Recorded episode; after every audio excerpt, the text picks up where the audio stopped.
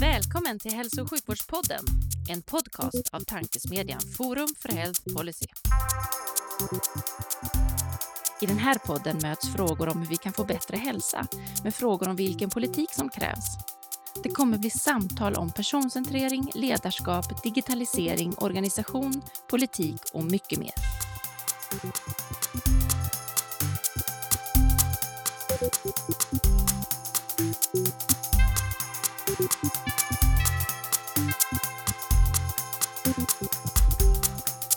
Hej och välkomna till Hälso och sjukvårdspodden.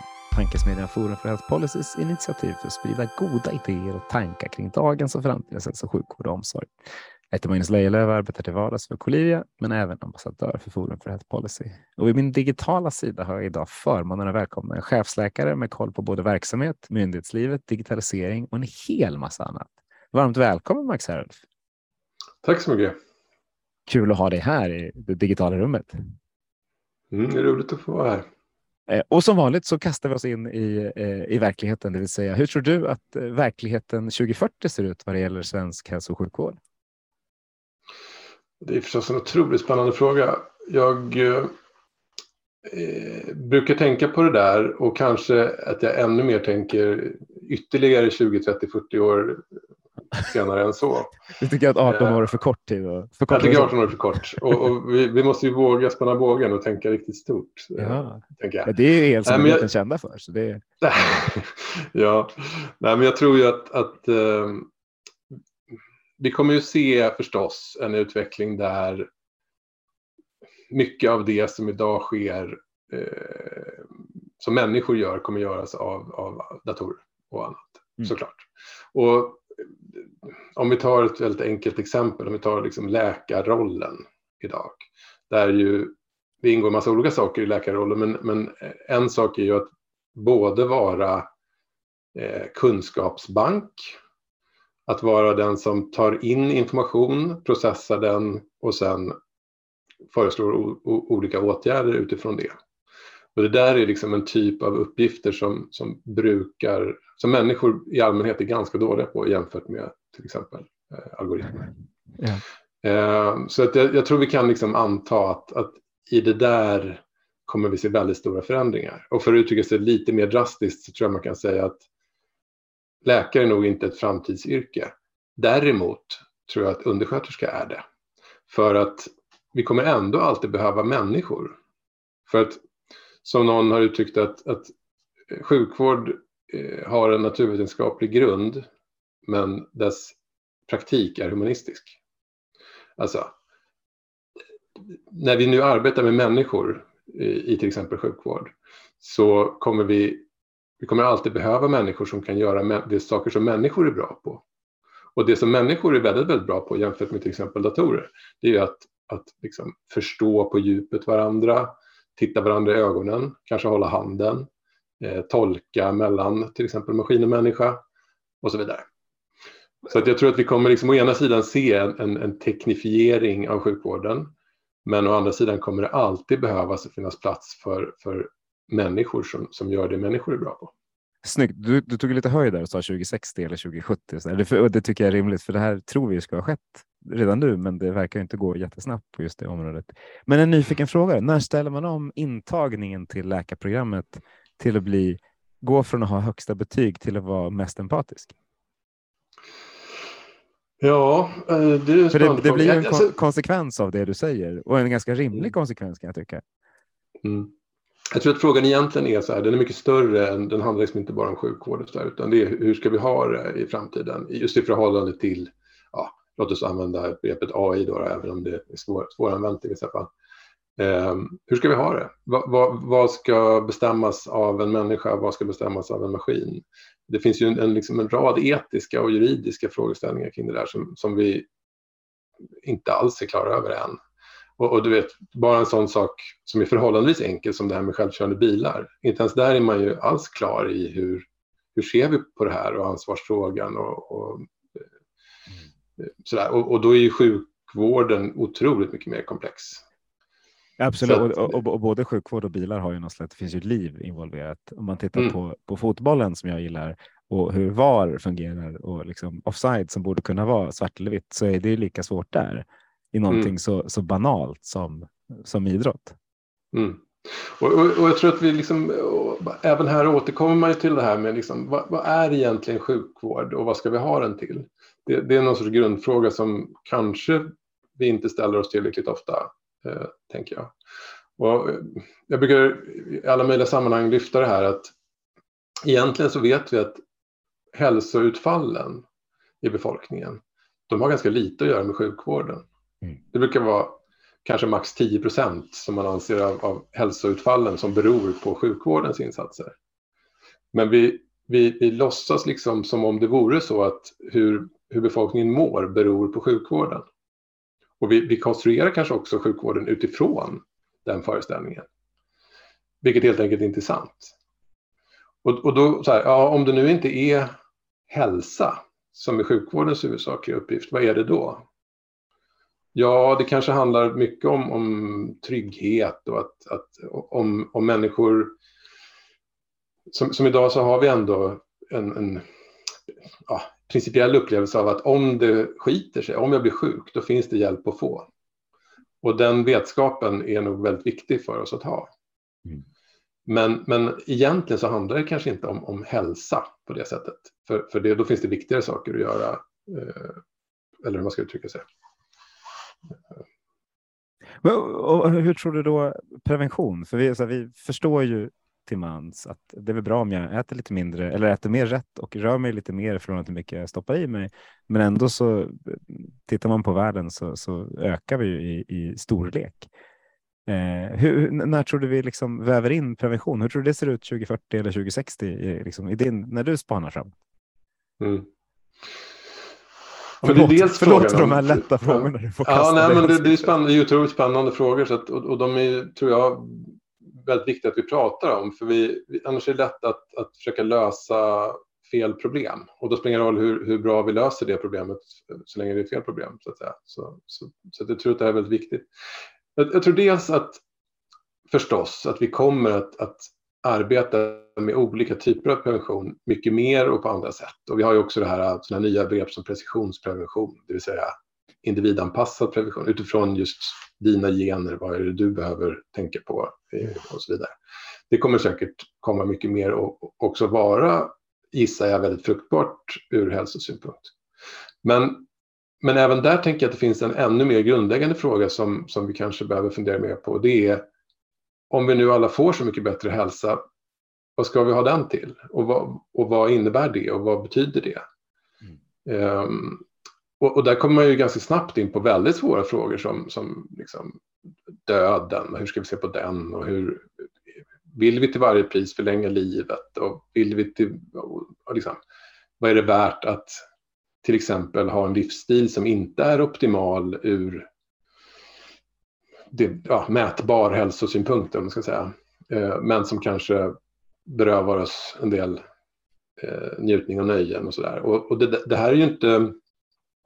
Det, då är man ju väldigt långt borta från sjukvårdens ansvarsområde. Men det är otroligt viktiga frågor och, och ehm, jag tror det är viktigt att prata om det. Jag tror också att det är så kanske att en del av de praktiska utmaningar vi ser inom vård och omsorg och sådär idag faktiskt har en viss koppling till eh, liksom beröringsskräck för att faktiskt på riktigt förhålla oss till döden och livet och hälsan och, och vad är det egentligen som är viktigt och sådär.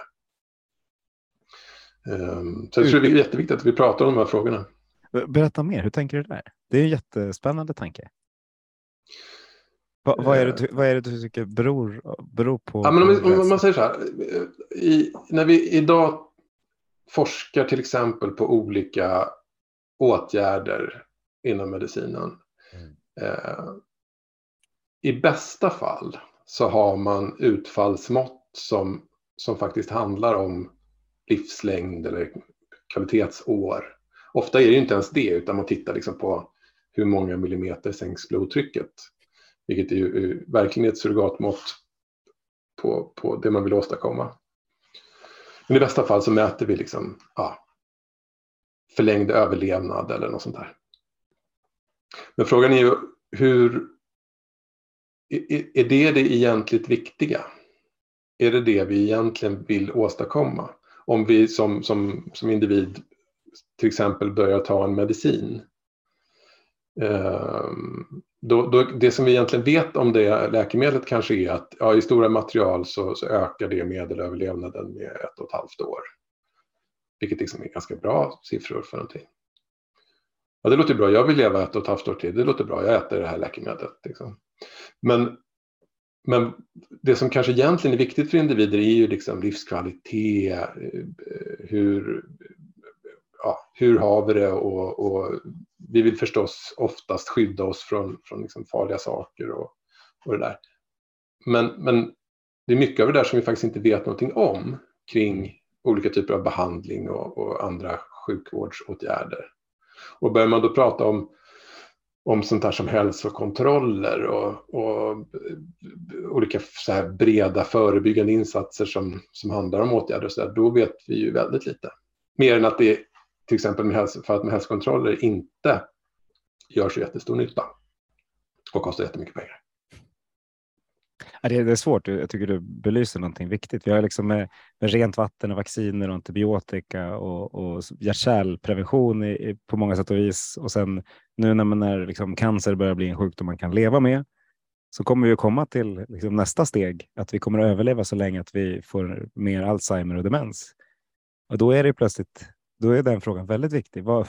vad, vill vi, vad vill vi med det här och hur gör vi? Sen kan vi, har vi tur så börjar vi lära oss att bota det också i större utsträckning. Men just nu så är ju det, det, där är ju ingen riktigt bra väg framåt.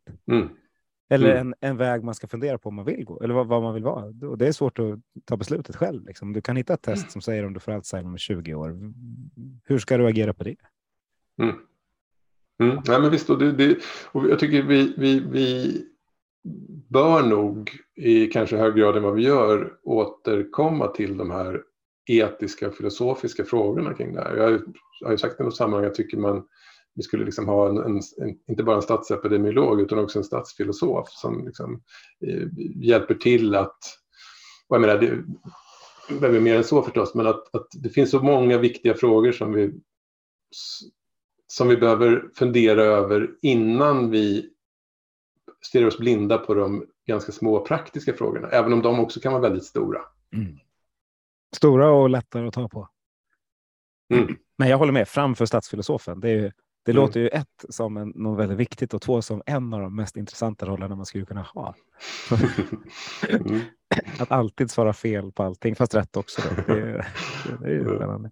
Men eh, vi har kommit 17 minuter in i podden. Jag tänker att det är lika bra att eh, lyssnarna får veta vem du är. Eh, berätta Magnus, vad, vad gör, vem är du? Då får du tolka den som, som vem du är privat eller på jobbet eller hur du vill. Och hur kom du dit? Mm. Jag eh, har då en bakgrund som läkare, eh, specialist i allmänmedicin. Har också eh, jobbat mest inom primärvård och mest kanske i Stockholmsområdet. Även om jag har eh, varit på lite andra ställen också. Ehm, jag har också forskat och disputerade för länge sedan på farmakologen på KI. Ehm, och ganska snabbt efter några år som, som att arbetat som husläkare så blev jag eh, verksamhetschef och vd för ett litet vårdbolag eh, på med det i ett antal år. Vilket var det lilla vårdbolaget för lyssnarna? Ja, Sankt Eriks vårdbolag. Det är en, en stor vårdcentral och en barnavårdscentral i, i Stockholm. Personalägt eh, bolag. Um, och det, det, det, var väldigt kul och väldigt givande på många sätt. Och, och eh, en av de saker som jag tyckte var väldigt roligt där, det var att vi, vi lyckades bli den, den enda privata akademiska vårdcentralen i Stockholm. Eh, och liksom, ja, var väldigt kul och givande också visade på någon typ av kvalitetstänk som spännande. Så. Efter det så har jag gjort en sväng. Och, för, för er som lyssnar och inte bor i Stockholm så, så ligger vårdcentralen på Kungsholmen, liksom ett ganska speciellt område som mest en, en, ensamhushåll i Sverige, men också en, en ganska ung befolkning delvis. Det, det är ett intressant område att, att hänga i, tänker jag. Mm. Det, det, det, är intressant på många sätt. Kungsholmen gick ifrån att, att kallas för Käppholmen, för det var eh, Sveriges äldsta befolkning. Eh, och på, på väldigt kort tid gick det från det till att vara en av de yngsta. Vilket förstås hängde ihop med, med storleken på lägenheter och sånt där. Precis. Eh, jag det var inte meningen att avbryta, jag bara tänkte bara fylla på där. För det, är, ett, det är en spännande vårdcentral på det sättet. Mm. Ja. ja, absolut. Um, Nej, men och sen så har jag varit, på lite, jag varit i Capio en sväng och jobbat med ett, ett, ett utvecklingsarbete där med deras primärvårdsbolag. Och eh, det var väl där jag eh, mer närmade mig tekniknära frågor kan man säga eh, under den perioden. Eh, och efter det så var jag med eh, jag var vd för en startup som, som eh, höll på med digital vård för kvinnor. Eh, och eh, ja, det gick på många sätt väldigt bra. Vi, vi, vi, vi gick på liksom, åtta månader gick från att sätta igång till att ha vår första offentligt finansierade patient. Så att det, var, det var en väldigt eh, spännande och kul resa. Så, och vi hade väl, vår approach var kan man säga den motsatta till de, de stora så kallade nätläkarna. Eh, där vi istället för att fokusera på, på de liksom, enklare medicinska problemen så gav vi oss på det kanske allra svåraste som finns, nämligen endometrios. Så det var där vi liksom började med att fokusera. Vi såg att det, det fanns mycket övrigt att önska för de patienterna och vården inte alltid fungerar så bra för dem. Så vad vi ville åstadkomma där var, var en kombination av ja, tillgänglighet liksom nationellt men också ett fysiskt erbjudande kopplat till det. Mycket sådär digifysiskt tänk eh, som det heter nu för tiden. Um, och sen har jag också varit konsult i egen verksamhet och då jobbat med ja, olika typer av medtech och IT-bolag eh, och, och hjälpt dem med ja, dels kanske lite så medicinsk kompetens men det är ju inte så svårt att hitta. Det som jag var liksom min specialitet var mer att förstå den svenska hälso och sjukvårdssystemet och kulturen och hur kan man bygga affärsmodeller och eh, hur kan man tänka och vem är det som faktiskt köper saker och, och liksom sådär. Eh, och sen har jag då varit på Elsamyndigheten sedan ett, ett, ett, par år och nu sedan i våras har jag den här rollen som chefsläkare som, som då är ny på myndigheten. Det är en härlig blandad bakgrund. Mm. Men det borde betyda framförallt de här sidostickspåren med, som, som vd på en digital startup måste ju liksom innebära att du har kunskap som inte alla på Elmyndigheten har. Ja, det, det, vill jag tro. Och, och, och, det finns ju för sig väldigt många olika kompetenser på, på myndigheten förstås. Men för min egen del så, så tyckte jag tänkte faktiskt lite så här innan jag började på, på myndigheten att nu har jag liksom provat alla olika aktörer i sektorn. Jag har mm. varit liksom, i, i, den kliniska vården, jag har varit i akademin, jag har varit i, i teknikvärlden, jag har varit i liksom, startup, jag har varit i olika saker. Jag har inte varit i staten. Den sista tårtbiten, liksom. ja men då provar vi det. Och jag tror att om jag får liksom vara lite självgod så där så tror jag att det där faktiskt tillför ganska mycket att ha, ha sett, ha upplevt eh, hur det ser ut hos, hos eh, de flesta aktörerna i, i sektorn. När man sen går in och, och arbetar i staten. Jag tror inte att det är självgott överhuvudtaget. Jag tror att det är helt rimligt. Man ska, och oavsett så borde man liksom rotera mycket mer mellan olika, olika aktörer i systemet, för vi behöver rätt mycket från varandra.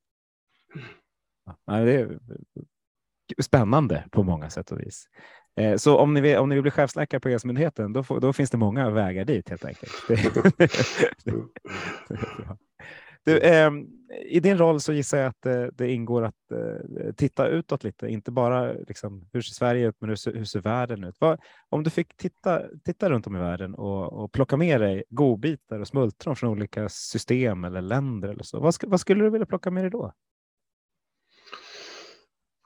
Jag tycker det där är det är ganska svårt för det blir lätt att vi, vi säger så här, ja men titta på, på Finland, de har sitt eh, centraliserade hälsoregister, allt är samlat, det är jättebra för då kan, kan man komma åt alla data. Och vi har Estland och de är så digitaliserade och allting är liksom... Och det, det är jättespännande att titta på dem och vi har jättemycket att lära oss därifrån. Men det är också så att man behöver man behöver också titta på hur, hur är det faktiskt på golvet? Hur är det ute i verksamheterna i, i världen, i, i, i Finland och i Estland och i överallt annars förstås. Och då, då är det förstås så att även där så ser man en hel del av de problem som vi känner igen från, från Sverige och sådär. Så att, um, och jag tror att det, det är liksom ingen det finns ingenstans där man är färdig och det kan man kanske aldrig finnas det. Att, att, det finns därmed inga, inga, ingenting att kopiera rakt av och så lös, löses alla problem. Nej, då hade vi gjort det, mm. tänker jag. Då hade vi gjort det förhoppningsvis. Eh, och, och, till exempel så är det väl den här, en av många svåra balansgångar är det här att, att till exempel vad gäller strukturerade data så, så krävs det ganska mycket styrning för att det ska bli enhetligt strukturerat överallt. Och den styrningen är ganska svår att implementera och i de fall man faktiskt lyckas så, så finns det utmaningar även med det, När man då så att säga tvingar olika aktörer att anpassa sig på sätt som inte alltid passar för dem. Eh, och det där är ju svårt på riktigt. Det är inte så att det, det bara går att lösa enkelt, utan det, det är svårt på riktigt. Eh, så att jag, jag tror att det är jätteviktigt att vi håller eh, tittar eh, på utlandet mycket och, och förhåller oss till det och försöker lära oss och sådär. Ehm, Eh, sen är det ju naturligtvis så att EU är ju eh, liksom väldigt viktigt i de här frågorna och inte minst då förstås med det här förslaget om EHDS som har kommit. Och, och European och, Health Data Space för er som Ja, inte... precis. Det är ett förslag om en ny EU-förordning om hur hälsodata ska hanteras kan man säga för alla medlemsstater. Och, och, det är långt kvar om eller när det där blir verklighet, men det är ju otroligt spännande och, och ett, ett, ett bra exempel på där vi nog i Sverige kan faktiskt dra nytta av EU och där EU ligger liksom ganska långt fram och är ganska offensiva på ett viktigt område. Och de, de ligger långt fram. För mig, för mig var känslan att, att vi i Sverige har legat ganska långt fram på området men inte riktigt kunnat enas eh, och inte sprungit tillsammans utan liksom gjort massa små ryck och så plötsligt kommer EU som koloss och kommer ifatt oss och så får vi anpassa oss lite. Eh, borde vi hänga på EU eller borde vi ha drivit EU tidigare? Jag tror, jag tror att vi kanske har också gjort både och. Jag tror vi har, eh, man kan säga att vi har varit ganska drivande i många av de här frågorna inom EU. Eh, och jag tror att vi dessutom har vi har nog lärt oss en del och, och vad gäller till exempel covidbevisen som ju är en, liksom en, en, en, ja, en, liten sak jämfört med hela EODS men det, har, det var ett jätteprojekt likväl. Och där har vi ett exempel på att EU i sin helhet och vi som land på otroligt kort tid kunde genomföra någonting som, som alla trodde var väldigt, väldigt svårt. Det var ganska svårt också, men, men vi lyckades ändå. Mm. Um, och i till exempel den processen så var ju Sverige väldigt drivande. Vilket också kanske var ett skäl till att det gick så pass ändå smidigt för Sverige att, att uh, genomföra det. Uh, och jag tror att vi kan, vi kan lära oss av den processen och, och därmed förstå att det, det, är väldigt viktigt att vi är med ordentligt i EU-arbetet och, och, och påverkar det. Så.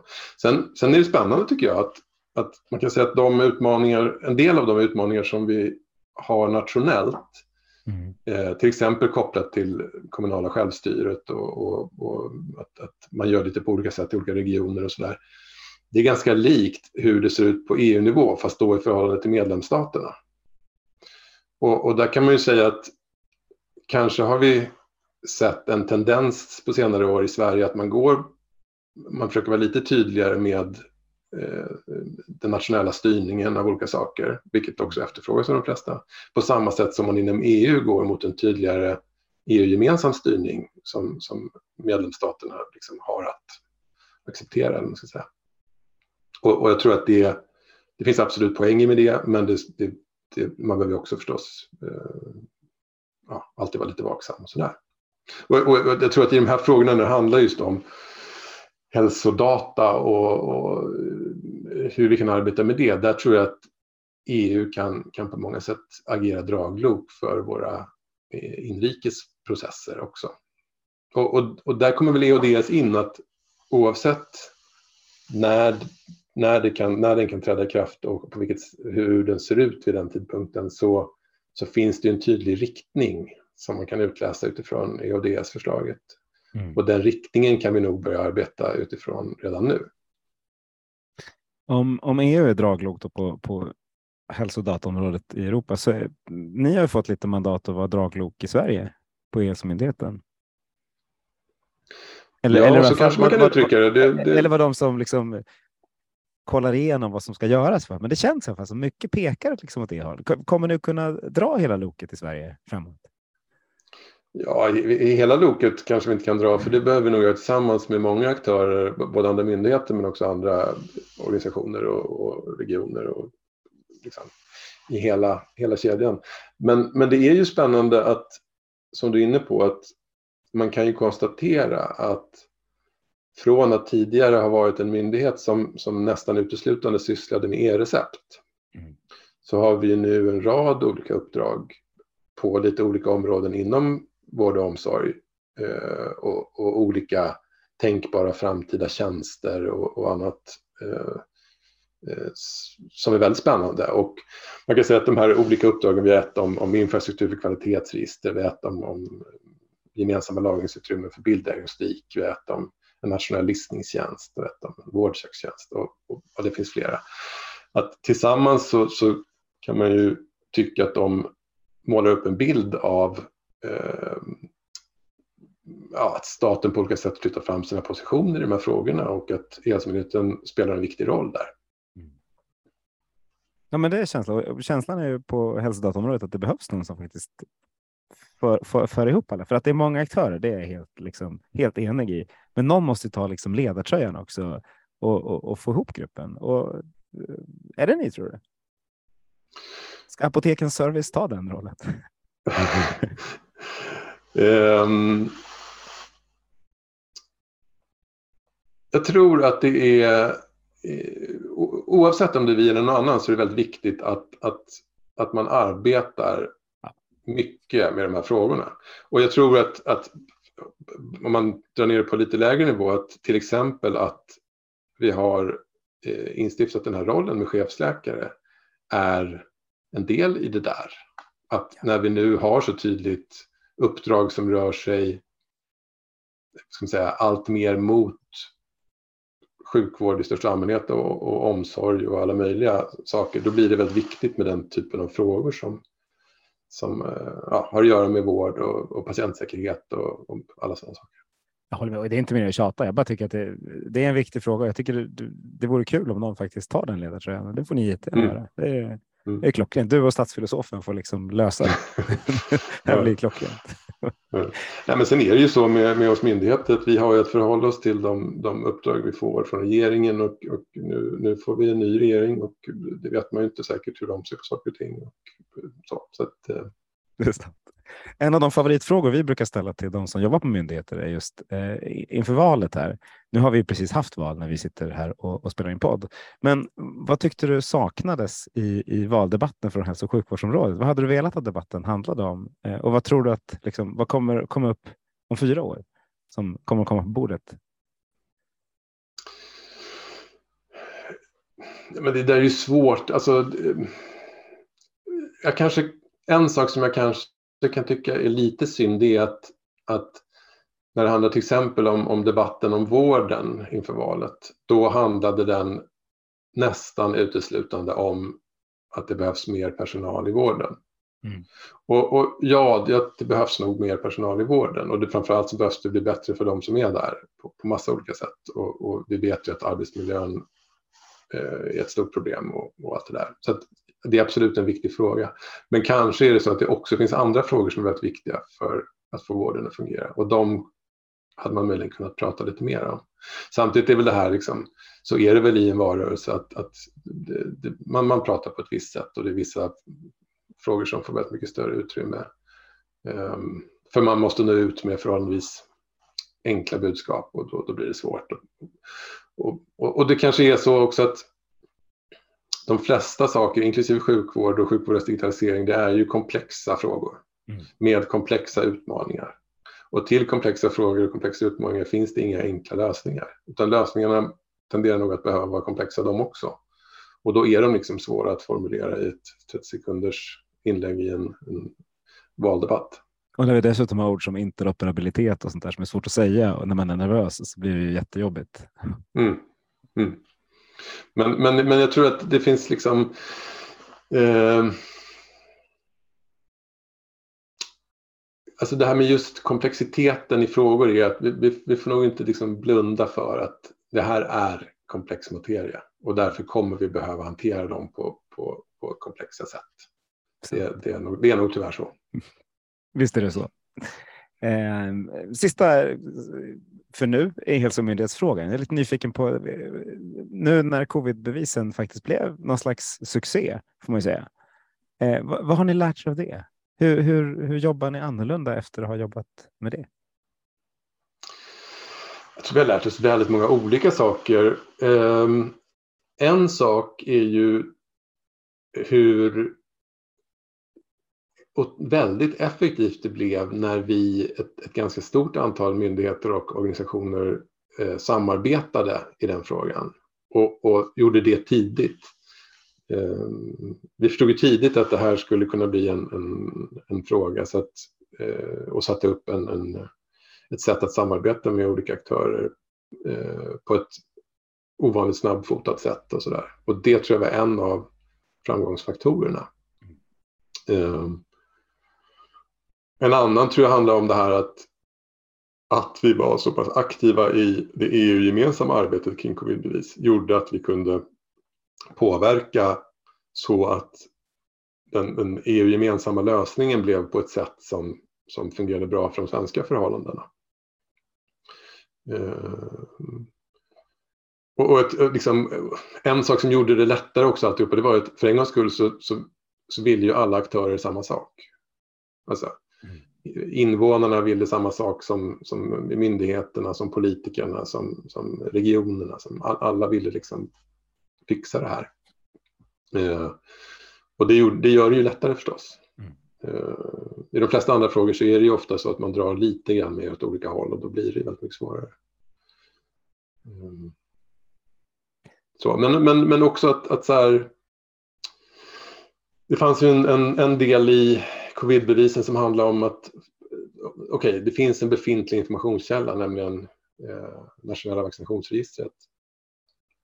Men den får vi inte använda. Ja, men okej, okay, men då får vi föreslå en lag som ändrar det. Mm. Och så gjorde man det och så fick man igenom den lagen och så funkar det. Och det där kanske är ett, ett eh, synsätt som man skulle kunna använda också lite mer i andra sammanhang. Ja, höll jag på att säga väldigt snabbt, där. men det hade man kunnat göra. Men, men, men nyfiken för nu, nu säger du något jätteviktigt, det vill säga vi behöver styras mot samma mål. Och i min värld så kanske hälso och sjukvården har haft en tendens att styras av olika mål, eh, det vill säga antal patienter eller liksom antal sjukhussängar eller antal väldigt mycket, när egentligen vi kanske skulle vilja styras mot den friska patienten eh, allihopa så att alla hade liksom samma, samma mål. Hur, hur, hur tror du på dagens lättaste fråga, hur tror du att liksom det perfekta ersättningssystemet skulle se ut för primärvården i Sverige? Du har ändå, du, Stjernstedt, det finns, liksom, säger som Göran Stiernstedt, det finns inga bra ersättningssystem, det finns bara sådana som är lite mindre dåliga. Okej, okay, vilket är uh, minst dåliga då? ja, nej, men jag, jag, tror ju att, att uh, till att börja med så tror jag ju att uh, det är bra att ha ersättningssystem, åtminstone i primärvården, som, som är lite mer, ska vi säga, på högre nivå. Eh, av typen kapitering eller liksom, lite större utfallsmått eh, eller så. Eh, det man kan konstatera är väl att de ersättningssystem som, som eh, ersätter detaljåtgärder och liknande, där, där det finns liksom en del utmaningar med det. Um, det är också så att det eviga problemet i de här frågorna är ju att den som gör investeringen är inte alltid den som, som tar hem vinsten. Och, och till exempel är det så i primärvården att, att om primärvården fungerar som allra bäst då leder det till besparingar i massa andra led. Minskad sjukskrivning, minskad behov av organspecialisters åtgärder, mindre kirurgi, mindre liksom, ja, Fast då, då, är, då är det den allmänna konkursen som, som tar hem det ändå. Liksom... Ja, men precis. Men, men, men, men, det betyder ju att till exempel primärvården måste ju ersättas för åtgärder som man själv inte drar nytta av, eller man ska uttrycka det. Absolut. Um, och och, och där, det är väl därför jag tänker att så här olika former av lite bredare utfallsersättningar har en poäng. Sen å andra sidan vet vi att, att det funkar inte heller alltid jättebra och det är det jag menar att det, det, det, det finns, det är svårt att hitta de här riktigt perfekta systemen. Uh, och, och, det kanske är så att vi kan väl räkna med att eftersom det inte finns ett perfekt system så kommer de att behöva variera lite över tid, som de ju har gjort.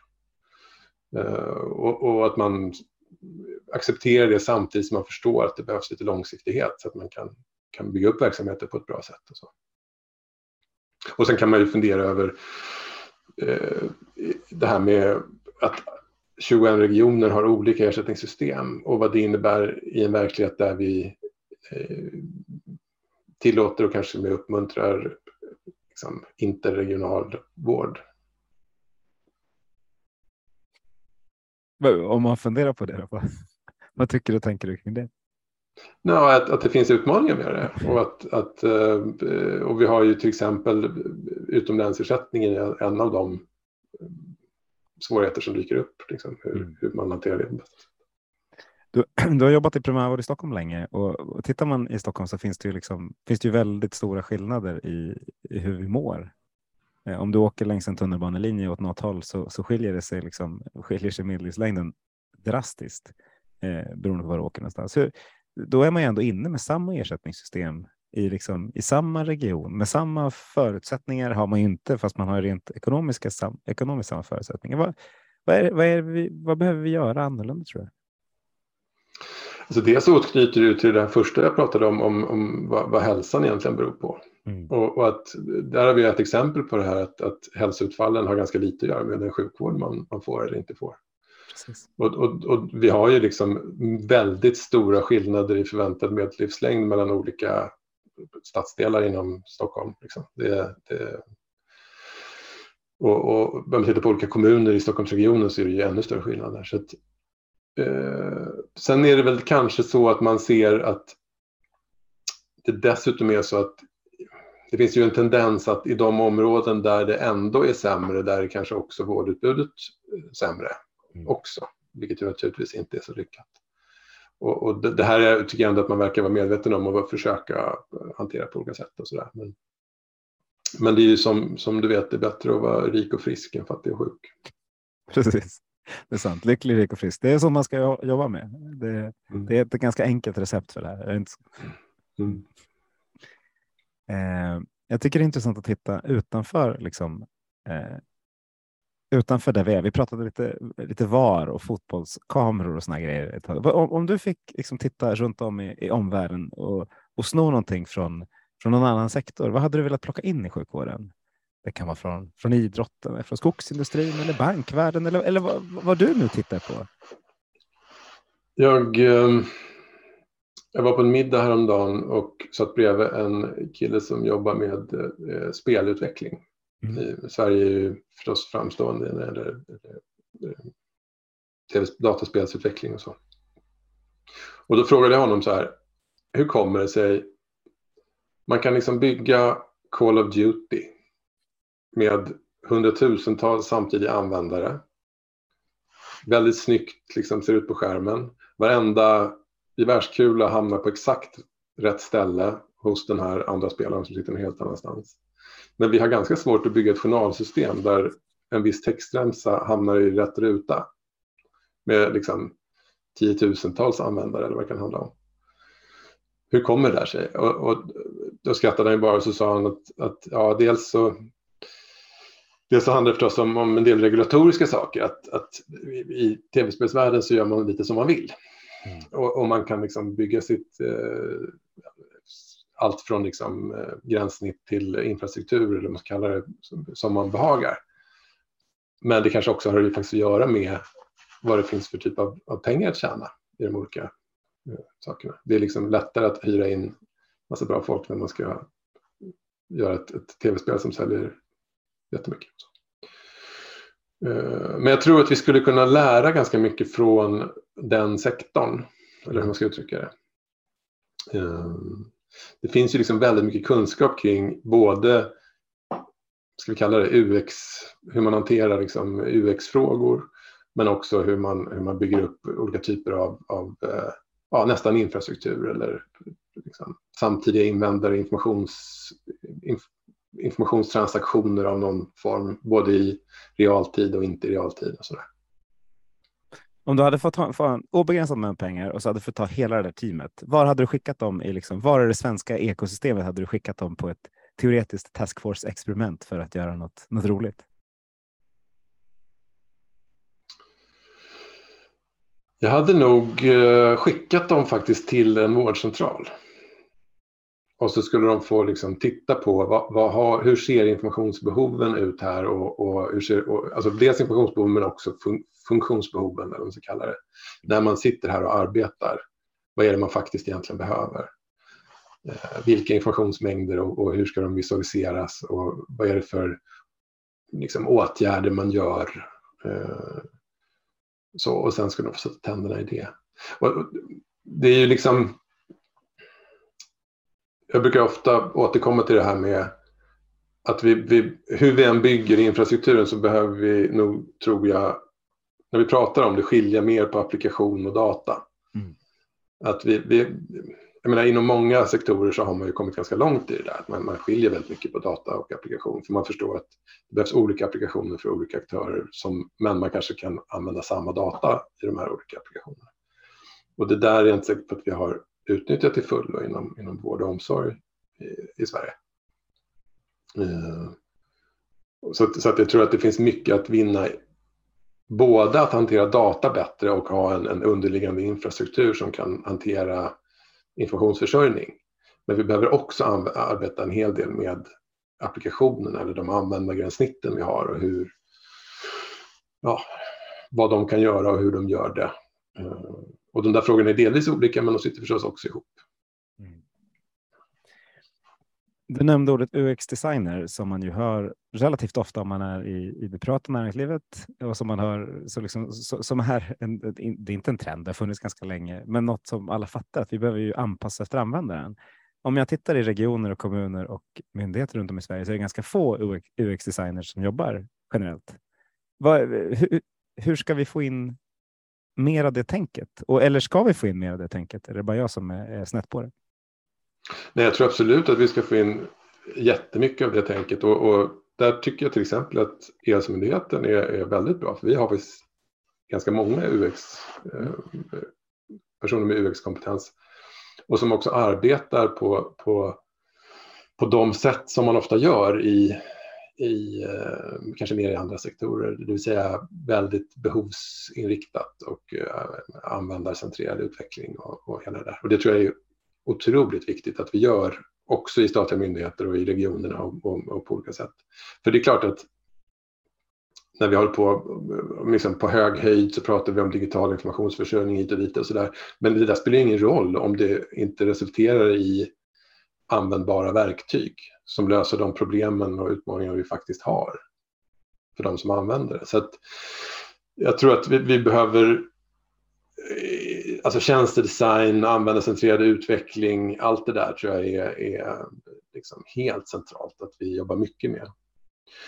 Um, jag tror också att det finns en koppling, kanske som är lite särskilt viktig när det handlar just om, om hälso och sjukvård, där man har ju pratat mycket om det här med personcentrerad vård och att eh, det, det, det, är bra och viktigt, och det är det förstås.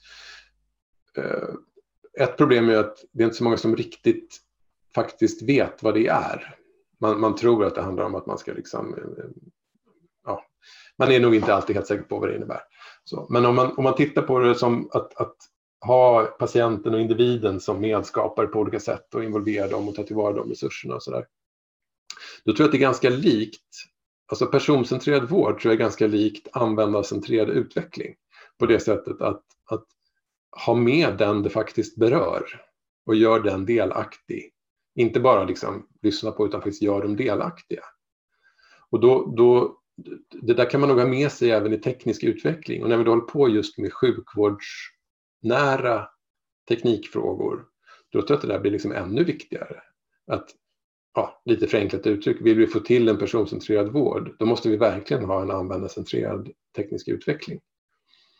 Eh, så att, kanske att det är ännu viktigare i vår sektor än i en del andra. Mm. Det tror jag också. Och jag så tycker att det är lite eftersatt. Det är därför jag, jag lyfter den så ofta Absolut. Mm. eh, vi brukar ställa frågan, vad betyder digitalisering för dig? Jag tänkte jag ska ställa den nu också eftersom vi har pratat om så många olika aspekter av digitalisering. Så jag tänkte i grunden, vad, vad betyder digitalisering för dig? Till början så är jag inte så jätteförtjust i det ordet. Mm. av, av, av lite olika skäl. Bra men start. att det, att det har betytt så många olika saker för så olika personer. Och jag, jag hör ju till en av dem som i alla fall tidigare har pratat mycket mer om digital transformation. Och jag vet fortfarande inte om jag tycker det är det bästa, den bästa termen eller det bästa så, men, men det som jag tycker är viktigt här, det handlar ju om att när vi utvecklar tekniken, ja, låt oss kalla det digitalisering då, då är det liksom ingenting värt om vi inte gör det på ett sätt som, som hänger ihop med att vi utvecklar våra arbetssätt. Eh, eller inget värt ska jag inte säga, men det, men det Jag tycker du kan är säga väldigt inget, viktigt inget att- värt för det det är ett bra det. Ja. Och för att liksom bli lite provokativ så tror jag man kan säga att det här med videobesök i vården, att, att liksom stoppa in en läkare eller en sjuksköterska i en mobiltelefon och träffa den där. Det, är liksom, det har sina poänger, absolut. Det har sina nackdelar, absolut. Men det är inte så i grunden skilt från ett fysiskt möte. Det är liksom en, en, en vårdperson som träffar en invånare. Och så har man ett möte och så bestämmer man någonting och så exekverar man det man gjorde och så har man ett möte till. Och sådär. Det är liksom inte någon större skillnad egentligen. Och, och därmed kanske det inte är där de allra största vinsterna kan ligga i det vi brukar kalla digitalisering. Utan de verkliga vinsterna kommer ju först när vi faktiskt kan börja arbeta på ett annat sätt som, som tar tillvara resurserna på ett bättre sätt. Och, och, och vad det innebär, är ju- ja, det är ju jättesvårt, det innebär massa olika saker och, och, och sådär. Um, men, men det är därför som eh, det här ordet digitalisering tycker jag är lite, ja, i alla fall komplicerat att använda. Och så. Sen, sen tycker jag också att det är intressant när man pratar om kanske då snarare digital infrastruktur, eller vad man ska säga. Att Mm. skapa förutsättningar för ja, information att flöda, eh, automatiserade tjänster och processer av olika slag och sånt där. Ehm, då är det liksom lite grann på en annan nivå och kanske mer, det handlar mer om kanske förutsättningsskapande, den där typen av frågor. Och ska man kalla det digitalisering också? Ja, jag vet inte. Jag tycker inte det är det perfekta ordet, men, men liksom, eh, digital infrastruktur eh, är ju oerhört viktigt. Bra svar på en, en fråga som man kan svara både lätt och svårt på. Du gjorde den komplicerad men, men svarar på ett bra sätt. Det får vi säga snyggt. Eh, en sak som då gick, gick rätt mycket igenom, både den och förra frågan handlade om, om ledarskap. Eh, hur, vad tycker du om ledarskapet i vården? Den är skitsvår om man ställer den på det sättet. Men hur, hur skulle du vilja utveckla ledarskapet i vården i den svenska hälso- Ja, ledarskap finns det ju mycket att att säga om generellt förstås, men jag tänker mig att även där tror jag man måste göra det lite komplext. Till exempel genom att återgå till den här frågan, vad är egentligen vår uppgift? Vad är liksom, sjukvårdens uppgift? Och, eller för att tala med Simon Sinek, start with why. Mm. Vad är varföret? Liksom? Varför håller vi på med sjukvård här? Så. Och jag tror att kan man börja prata om de frågorna så kommer en hel rad liksom, ledarskapsfrågor bli väldigt mycket lättare att hantera. Och för att ta liksom ett, ett kraftigt förenklat exempel så tror jag att om vi i lite högre grad kan förstå att en viktig del av sjukvårdens leverans, om man får uttrycka sig så, är att, att leverera trygghet till invånarna. Så är det lite lättare att förstå hur vi bör styra en del processer. Och, och det finns ju sånt här väldigt banalt exempel att patienter som sitter i ett väntrum och, och tidpunkten för deras bokade läkarbesök har passerats. De är helt fine i allmänhet med att vänta så länge de får veta att det finns förseningar. Det man hatar är när man ingen säger något utan man bara sitter där och undrar om man har, har jag kommit fel, eller liksom, händer, har de glömt bort mig? Säg, vilket, är liksom, det är helt, vilket är likt alla andra branscher också, precis likadant där. Exakt. Att, så, så länge man ger... Exakt. Och det är man mycket bättre på på SJ och Swedavia. Man är inte jättebra på det där heller, men man är mycket bättre på det än i sjukvården. Ja. Och, och, och, och, ett skäl tror jag att man inte har tagit tag i de frågorna så mycket i sjukvården, det är att man inte riktigt eh, har just pratat om de här svåra frågorna. Vad är egentligen sjukvårdens uppgifter och hur ska vi hantera det? så mm. eh, sen så tror jag att det finns, eh, ja, det finns mycket som helst att prata om vad gäller ledarskap och, och särskilt inom sjukvården, men, men det är klart att tillit och tillit till de olika professionernas kunskap och att, att låta det drivas så är otroligt viktigt. Samtidigt som det finns en, en liten paradox i, om man tittar till exempel på läkare, jag tror att detsamma gäller i andra professioner också, men i läkares utbildning och, och även praktik så, så ingår det ett synsätt, ofta eller alltid, som handlar om att jag prioriterar patienten jag har framför mig. Mm.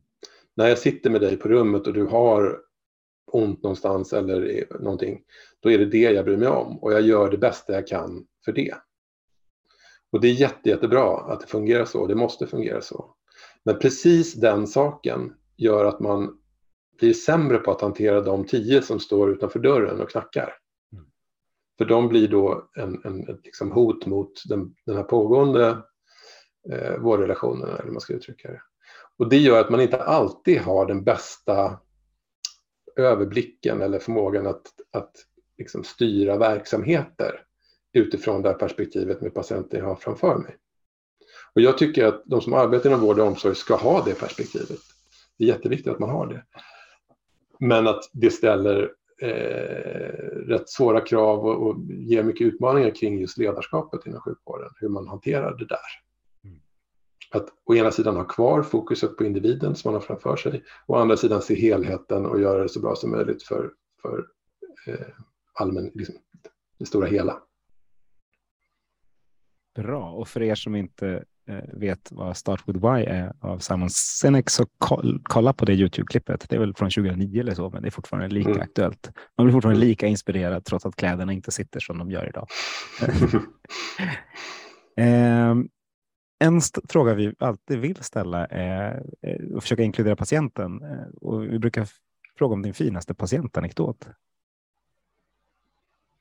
Du har ju en lång erfarenhet på många sätt, så det kan bli spännande att höra. Sen är man ju anhörig också, så det kan ju finnas många perspektiv.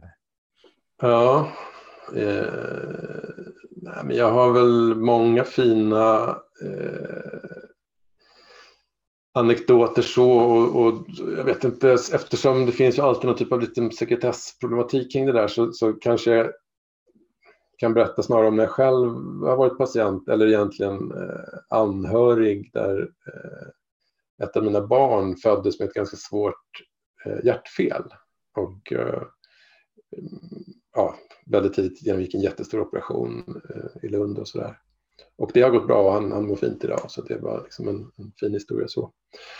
Um, men det där, jag har ju fått med mig förstås många saker av det där uh, och både bra och dåliga så att säga. Um, men, men många av de finaste sakerna handlar just om dels förstås den, den liksom otroligt bra eh, vården i form av liksom kirurgi och och mediciner och olika liksom, undersökningar som, som liksom verkligen toppklass på alla sätt. Mm. Men att jag fick också med mig väldigt mycket som handlar om, om eh, kanske inte alltid så himla bra bemötande på olika sätt. Och hur otroligt viktigt det är. Även i en situation, eller kanske särskilt i en situation där, där man man lätt får för sig att det man bara vill åt är den här liksom högkompetenta, högspecialiserade sjukvården i form av operationer. Ja, det vill man ju förstås. Men, men det är trots allt så att även i de situationerna, eller kanske särskilt, så blir bemötandefrågor otroligt viktiga. Och hur man liksom, pratar med folk, säger hej, eh, lyssnar. Eh, det, det, och, och, det kanske återknyter till det första vi pratade om, det här att trots en, som jag tror kommer komma väldigt ökande teknifiering av sjukvården, så kommer det alltid behövas kloka, varma människor mm. eh, som, som förstår eh, varandra i sjukvården. Bra. Vi, vi, har ställt den frågan nu 67 gånger och sånt där och jag blir lika glad varje gång jag får höra olika perspektiv på, på svensk hälso och sjukvård utifrån patient, liksom, patientperspektivet. För det blir nästan alltid just bemötande eller eh, hur man, men det är mycket empati i allting man tänker och det måste vi ha med oss eh, när vi förändrar svensk hälso och sjukvård, att det där är viktigt. Mm. Men det var ju du inne på mm. från början också, så det har du koll på. Mm. Eh, Sen har jag en sak som jag brukar vilja, vilja ta upp i olika sammanhang och det är lite kanske apropå statsfilosofen och sådär, ett medskick till, till honom eller henne. Och det, det är det här att av de, de mer åldrade patienter jag har träffat så många som är ja, kanske över 80 eller 75 eller någonstans där har själva faktiskt en ganska odramatisk syn på sin egen analkande död. Det betyder att de vill gärna vara friska så länge som möjligt. De vill gärna liksom förstås liksom inte dö i onödan och inte lida och inte ha ont och hela det där förstås. Men man är inte så himla... Det är förstås olika. Men det är förhållandevis många som är inte så jättebekymrade just över att jag nog kommer att dö inom en, en rimligt nära framtid. Och det där tycker jag vi kanske inte har uppmärksammat och har koll på när vi tittar på hur vi ska organisera vår sjukvård. Så här, utan det är väldigt fokuserat på att till varje pris skjuta upp döden. Mm. Uh, och det är en sån här erfarenhet från, från liksom, klinisk verksamhet som jag tycker är väldigt viktig. Alltså det, den här statsfilosofen kommer att få en del att göra framåt. Vad är, blir det, det är ditt nästa steg tänker jag efter det. Ja, varför inte? Vi ska bara in, inrätta den där. Eh, vi har pratat i en timme nu Max. Jag förstår inte hur tiden går så snabbt när man, när man diskuterar den här typen av frågor, men det gör den varje gång. Eh, när du kom in i det här rummet, var det något du kände att jag inte har liksom berört, som du inte har fått, fått prata om, som du skulle lyfta?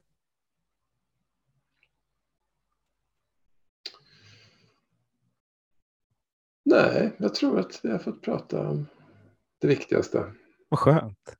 Det viktigaste som både handlar om empati och filosofi och, och digitalisering som inte är digitalisering. Och så. Det är ju, det är ju grymt. Eh, men du, mm. då, Max, då skulle jag vilja tacka varmast för att du var med i Hälso och sjukvårdspodden. Jättetrevligt samtal. Tack så mycket. Och tack alla ni som har lyssnat. Nu går vi ut och förändrar svensk hälso och sjukvård till det bättre tillsammans. Tack så mycket. Música